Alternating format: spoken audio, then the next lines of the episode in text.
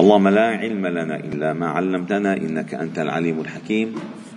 علمنا اللهم ما ينفعنا وانفعنا بما علمتنا وزدنا علما. واجعلنا ممن يستمعون القول فيتبعون أحسنه. وأدخلنا برحمتك في عبادك الصالحين. وبعد. فلا نزال معكم أيها الأحباب الكرام في مجالس القرآن ضمن دروس قرآن الفجر. وقد وصلنا مع حضراتكم في سورة النساء إلى قوله تعالى واعبدوا الله ولا تشركوا به شيئا وبالوالدين إحسانا وبذي القربى واليتامى والمساكين والجار ذي القربى والجار الجنب والصاحب بالجنب وابن السبيل وما ملكت أيمانكم إن الله لا يحب من كان مختالا فخورا. وقلنا أن هذه إرشادات من الله الملك الجبار إلى حسن التعامل بداية مع الخالق جل جلاله ثم الأصناف التسعة التي يعيش في مناخها هذا الإنسان.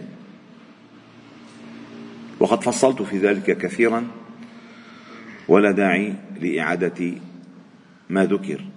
ولكن من باب التذكير أنه هو المجتمع قائم على هذه الأصناف.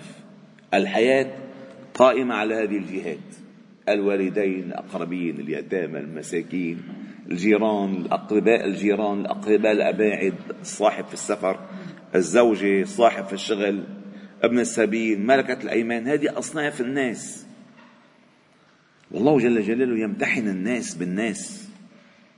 هذه شغلة خطيرة أبو خالد. شغلة خطيرة.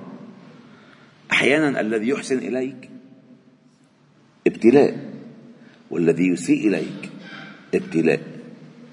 فالله تعالى قال وجعلنا بعضكم لبعض فتنة أتصبرون؟ وكان ربك بصيرا. فالله جل جلاله يبتلي الناس بالناس. يبتلي الناس بالناس. وعلاقات الناس بالناس هي التي تكشف معادن الناس. علاقات الناس بالناس هي التي تكشف معادن الناس. أحيانا لا يصاحب الإنسان الآخر إلا إلا لمصلحه فإذا انقضت هذه المصلحة انقلبت هذه الصداقة إلى عداوة. وأحيانا يصاحب الإنسان الإنسان للآخرة فمهما حصل مهما حصل ولو أساء إليه يقول لك أكيد ما اصلك هيك يحسن الظن. هذه العلاقة التي تبقى. لذلك النبي صلى الله عليه وسلم قال من من من علامات وجود حلاوة الإيمان أن يحب المرء لا يحبه إلا لله. وفي الحديث السبعة قال ورجلان تحابا في الله اجتمعا عليه وتفرقا عليه. فلذلك هذه العلاقات هي التي تكشف أن الدين المعاملة. ولا يعني المعاملة أن تعامل فقط إلى من يحسن إليك أن تعامل الناس كل الناس بالإحسان كل الناس بالإحسان. معاملة وقولا وقولوا للناس حسنا لكل الناس لكل الناس. فإذا المعاملة مع الناس بالإحسان والكلام مع الناس بالإحسان. خلصنا هذه الأصناف. ثم الله تعالى ختم الآية بقوله إن الله لا يحب من كان مختالا فخورا. وذكرت لكم عن معنى المختال ومعنى الفخور. هو الذي يعجب بنفسه لا يرى إلا نفسه ويتكبر على غيره. هذا أول واحد مدمر لنفسه. هذا يدمر نفسه. لأن من معاني من معاني المختال أيها الأحباب الكرام أنه يتخيل نفسه شيئا وهو ليس بشيء. بينفخ نفسه بنفسه. أنا أنا أنا أنا أنا. نفخ نفسه بنفسه. هو ليس بشيء. فيتخيل ليقينه لكثرة ليقينه لكثرة عيوبه والنقص الذي فيه يتوهم نفسه بتخيل نفسه إنه كثير هو كبير. ويريد من الناس أن ينتبهوا على كل شيء فيه. ومن عاش في عيون الناس سقط من عين الله. من عاش في عيون الناس سقط من عين الله. فقال لا يحب إن الله لا يحب من كان مختالا. فخورا كمتكبر يفخر بنفسه بماله بأصله حتى بعلمه. وعد تفكروا المسائل من بعيدة عن المشايخ إنه المشايخ ملائكة. لا لا لا. قد يكون بعض المشايخ من أشقاء إبليس. وأمثلة بالقرآن كثيرة. قال الله تعالى واتل عليهم نبأ الذي آتيناه آياتنا فانسلخ منها فأتبعه الشيطان فكان من الغاوين. ولو شئنا لرفعناه بها ولكنه أخلد إلى الأرض واتبع هواه. فمثله كمثل الكلب إن تحمل عليه يلهث أو تتركه يلهث. وهذا التشبيه إن تحمل عليه يلهث أو تتركه يلهث دليل على عدم انتفاعه بالعلم. يعني مثلا الكلب سواء ركبته بضل عم يلهث وما ركبته بضل عم يلهث فاللهث الذي فيه لهث لهث الدنيا. اللهث الذي فيه لهث آه، آه، الوجاهة والإعجاب بنفسه هذا اللهث. هذا التشبيه الأول. التشبيه الثاني مثل الذين حملوا التوراة ثم لم يحملوها كمثل الحمار يحمل أسفارا. فإذا ما تفكروا أنه آه، المشايخ بعاد عن الموضوع. ما في حدا بعاد بعيد إلا الذي عصمه الله. والله تعالى قال في حكاية يوسف عليه السلام قال رب السجن أحب إلي مما يدعونني إليه وإلا تصرف عني كيدهن أصب إليهن وأكن من الجاهلين. فالمعصوم من عصمه الله.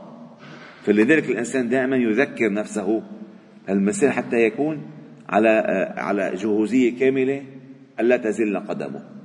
فقال فالمختال هو الذي يختال يعجب بنفسه بعلمه بقراءته بهندامه بماله بعائلته.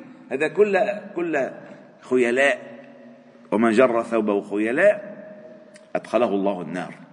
ثوب بس الثوب فما لك انه عم طيب. ثم قال الذين يبخلون ويأمرون الناس بالبخل ويكتمون ما آتاهم الله من فضله واعتدنا للكافرين عذابا مهينا. البخل أيها الأحباب الكرام مرض خطير وكونوا على ثقة وعلى يقين. لا يمكن أن يكون المؤمن بخيلا. البخل والإيمان جهتان لا تلتقيان لا تلتقيان ابدا. لأن قال النبي صلى الله عليه وسلم إن المؤمن يطبع على الخلال كلها إلا على الغدر والخيانة. المؤمن لا يخون والمؤمن دائما أمين دائما أمين. والأمين نفسه سمحة نفسه سمحة يعني سمحة يبذل. معطاء. لا يسأل عن شيء.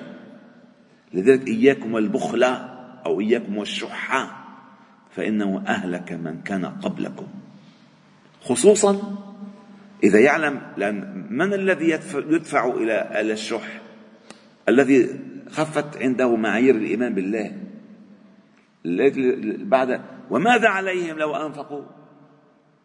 مما رزقهم الله. وماذا عليهم لو آمنوا باليوم الآخر؟ وأنفقوا مما رزقهم الله. ما الله الله الله هو العطيك ما أنت يا حبيبي.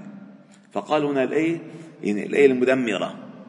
الآية المدمرة اللي فيها أدوات التدمير المجتمع البخل. بتلاقي خلينا نبلش بالطبقة بالطبقة الكبيرة. حكام. حكام. مات طلع معه بالبنك بسويسرا 30 مليار. وشعبه ما في زفت بالطرقات. أعوذ بالله. أعوذ بالله.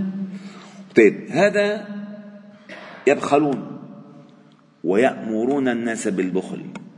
الحاشية اللي عنده اوعى اوعى تعودهم على العادة السيئة اوعى تعطيهم خليهم هيك مشان مشان آه، آه، تلزم لهم.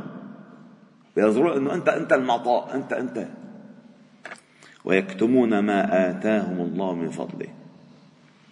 قال ابن عباس هذه في اليهود في كتمانهم العلم.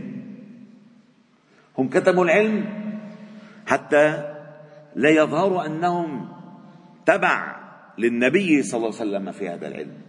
فكتموا العلم مشان يدلوا إنهم يعني يعلمون ما لا يعلم الآخرون. وهي كذلك عامة في كل من بخل سواء بخل بخدمة شفتوا الخدمة. ده بسيطة الخدمة. يا أستاذ فيك بس توصلني بهالمشوار لا. لك شو حتخسر بخل. وبس هيك واحد وصله. أمر الناس بالبخل. وهذا أعلى أعلى مقامات البخل ها بخيل ولا يتمنى أحد أن يعطي ما بس هيك يأمر الناس بعدم العطاء ويكتمون ما آتاهم الله من فضله. فالله جل جلاله سمى هذه الأنواع وأعتدنا للكافرين عذابا مهينا. طيب هذا ما عم يعطي؟ ما عم يعطي. بس في ناس بيعطوا وغير مقبول عند الله. والذين ينفقون أموالهم رئاء الناس. عم يعطي بس ما عم يعطي لوجه الله. عم يعطي ليعرف ليقال عنه. ليمدح لي. أما الأصل؟ النفقة ابتغاء وجه الله ابتغاء مرضاة الله. قال فأنذرتكم نارا تلظى لا يصلاها إلا الأشقى الذي كذب وتولى وسيجنبها الأتقى الذي يؤتي ماله يتزكى. وما لأحد عنده من نعمة تجزى إلا ابتغاء وجه ربه الأعلى ولسوف يرضى. سبحان الله. فقال هنا هذا الصنف هذيك ما عم يعطي ما عم يخلي حدا يعطي. هذا بيعطي ولكن يعطي ليس لله. هذه كلها علاج أمراض. هذه آيات تعالج الأمراض الداخلية. قال والذين ينفقون أموالهم رئاء الناس ولا يؤمنون بالله ولا باليوم الآخر. لأن الإيمان بالله والإيمان باليوم الآخر هو الذي يدفعك لتصحيح مسارك العمل تذكرون سورة البقرة؟ يا أيها الذين آمنوا لا تبطلوا صدقاتكم بالمن والأذى. كالذي ينفق ماله رئاء الناس ولا يؤمن بالله واليوم الآخر. فإذا الإنفاق لوجه الله مقرون بحقيقة الإيمان بالله واليوم الآخر. والإنفاق رئاء الناس مقرون بضعف الإيمان بالله واليوم الآخر. قال والذين, ينفقون أموالهم رئاء الناس ولا يؤمنون بالله واليوم الآخر. طيب مصدر هذا المرض من أين؟ ومن يكن الشيطان له قرينا فساء قرينا. لأن الشيطان يعدكم بالفقر. لك هلا إذا دفعت بينقصوا ومع وأنت بتعرف لبعدين شو في شو حيصير لا إله إلا الله. الشيطان يعدكم الفقر. قال ومن يكن الشيطان له قرينا فساء قرينا. وماذا عليهم لو آمنوا بالله واليوم الآخر وأنفقوا مما رزقهم الله وكان الله بهم عليما؟ آيات فعلا تعالج اولا هلا إحنا مثلا المجتمعات المسلمون كانوا لا يعتمدون على الدولة وعلى الخليفة لإنقاذ ما هم فيه من العوز. بل على أنفسهم. تذكرون حديث الأشعريين؟ رحم الله الأشعريين. حديث. الأشعريين كانوا إذا أصابهم القحط الجوع المصيبة جمعوا مالهم كلهم ووضعوه في كساء أو في رداء وقسموا للكل جزء معين بنفس المقدار. هذا الأصل. والكفالة اليتيم لا تأمر بها الدولة. كفالة الأرامل لا تأمر بها الدولة. مظبوط ولا لا؟ هذا من الإنسان. هذه من الصدقات. فالمجتمع القائم على الإنفاق هو في أمان والمجتمع القائم على الشح هو في خطر. وماذا عليهم؟ لو آمنوا بالله واليوم الآخر وأنفقوا مما رزقهم الله وكان الله بهم عليما. الحمد لله رب العالمين. سبحانه وبحمدك. نشهد أن لا إله إلا أنت. نستغفر ونتوب إليك. صل وسلم وبارك على محمد وعلى آله وأصحابه أجمعين. الحمد لله رب العالمين.